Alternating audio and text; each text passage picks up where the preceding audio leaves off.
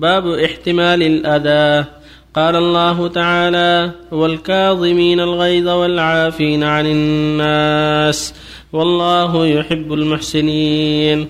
وقال تعالى ولمن صبر وغفر إن ذلك لمن عزم الأمور وفي الباب الأحاديث السابقة في الباب قبله. وعن أبي هريرة رضي الله عنه أن رجلا قال يا رسول الله إن لي قرابة أصلهم ويقطعوني وأحسن إليهم ويسيئون إلي وأحلم عنهم ويجهلون علي. فقال لئن كنت كما قلت فكأنما تسفهم المل ولا يزال معك من الله تعالى ظهير عليهم ما دمت على ذلك. رواه مسلم. باب الغضب. إذا انتهكت حرمات الشرع والانتصار لدين الله تعالى. قال الله تعالى ومن يعظم حرمات الله فهو خير له عند ربه. وقال تعالى إن تنصروا الله ينصركم ويثبت أقدامكم. وفي الباب حديث عائشة السابق في باب العفو وعن أبي مسعود نقبة بن عمرو البدري رضي الله عنه قال جاء رجل إلى النبي صلى الله عليه وسلم فقال إني لأتأخر عن صلاة الصبح من أجل فلان مما يطيل بنا فما رأيت النبي صلى الله عليه وسلم غضب في موعظه قط وشد مما غضب يومئذ. فقال يا أيها الناس إن منكم منفرين فأيكم أما الناس فليوجز فإن من ورائه الكبير والصغير وذا الحاجة. متفق عليه. بسم الله الرحمن الرحيم. الحمد لله. وصلى الله وسلم على رسول الله وعلى آله وأصحابه من اهتدى به. أما بعد فهذه الأحاديث مع الآيات فيها الحث على تحمل الأذى والصبر في ذات الله. وأن المؤمن يكون صفوحا حليما عند ما قد يصاب منه بعض الشيء يتحمل ويرجو ما عند الله كما قال تعالى في أهل الإيمان وإذا ما غضبوا هم يغفرون قال تعالى ولا من صبر وغفر إن ذلك لمن عزم الأمور قال في وصف المتقين والكاظمين الغيظ والعافين عن الناس كان عليه الصلاة والسلام يسمح ويعفو إلا إذا انتهكت محارم الله فإنه يغضب لله عز وجل. فالمؤمن يصبر على ما قد ينال منه ويخدم الغيظ يرجو ما عند الله من المثوبة أما عند انتهاك محارم الله عند وجود المعاصي فالواجب الغضب لله والإنكار على من أظهر معصية. ولهذا كان صلى الله عليه وسلم إذا انتهكت محارم الله محارم الله يغضب لله وينكر على من أتى المعصية وأظهر المنكر. ولما بلغه أن بعض الناس يطيل الصلاة ويشق على الناس غضب. وقال أيها الناس إن منكم منفرين. يعني منفرين من صلاة الجماعة. فأيكم أما الناس فليوجز فإنهم فيهم الصغير والكبير والضعيف وذا الحاجة.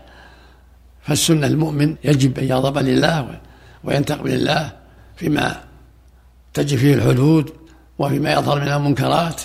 كما قال تعالى والمؤمنون والمؤمنات بعضهم أولياء بعض يأمر بالمعروف وينهون عن المنكر.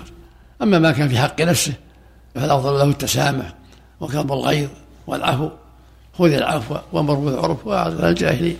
ومن صبر وغفر إن ذلك لمن عزم الأمور. أما ما كان لله فالواجب الانتقام لله وما كان يتعلق بحق الله فالواجب الغضب لله وإنكاره المنكر حتى يلتزم الناس بالشرع. والإمام إنما يكون مقتصدا إذا اتبع السنة يتحرى سنة الرسول صلى الله عليه وسلم في الصلاة يتحرى ما كان يفعل في صلاته في قراءته وركوعه وسجوده حتى لا يشق على الناس. يتحرى القصد في هذا كله في قيامه وركوعه وسجوده حتى لا يشق على الكبير والضعيف وذي الحاجة. رزق الله الجميع التوفيق والهداية. نعم. الله إليك يا شيخ. كيف يكون الجمع بين من رأى منكر أن ينتقم لله عز وجل أو ينكر بالحكمة واللين والموعظة الحسنة يا شيخ ينكر بالحكمة وهذا من غضب لله. يدعو إلى سبب الحكمة والغنى الحسن وجادلهم بالتي أحسن. لا يسكت. أما إذا كان حق نفسه فلا بأس يتسامح ويسكت. نعم.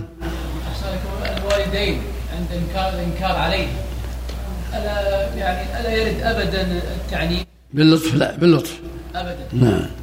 الله قال في حق الكافرين وصاحبهما في الدنيا معروفا. قال في حقهما ولا تقل لهما أف ولا تنهرهما. وقل لهما قولا كريما. معنى قول يحسن أحسن الله تصفه التراب يعني.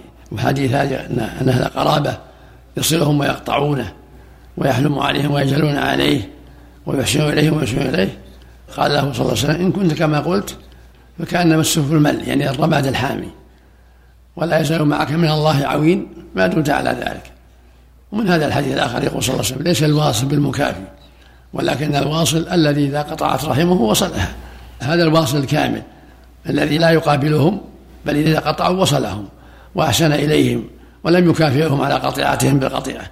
من أكثر عليه قرابته يا شيخ بما يؤذيه وهو لا يتحمل. هل له أن يبتعد عنه لو يجعل بينه وبينهم عليه أن يتحمل ويصبر ويصلهم. بالإحسان والدعوة إلى الله والأمر بالمعروف والنهي عن المنكر لا يكون مثلهم.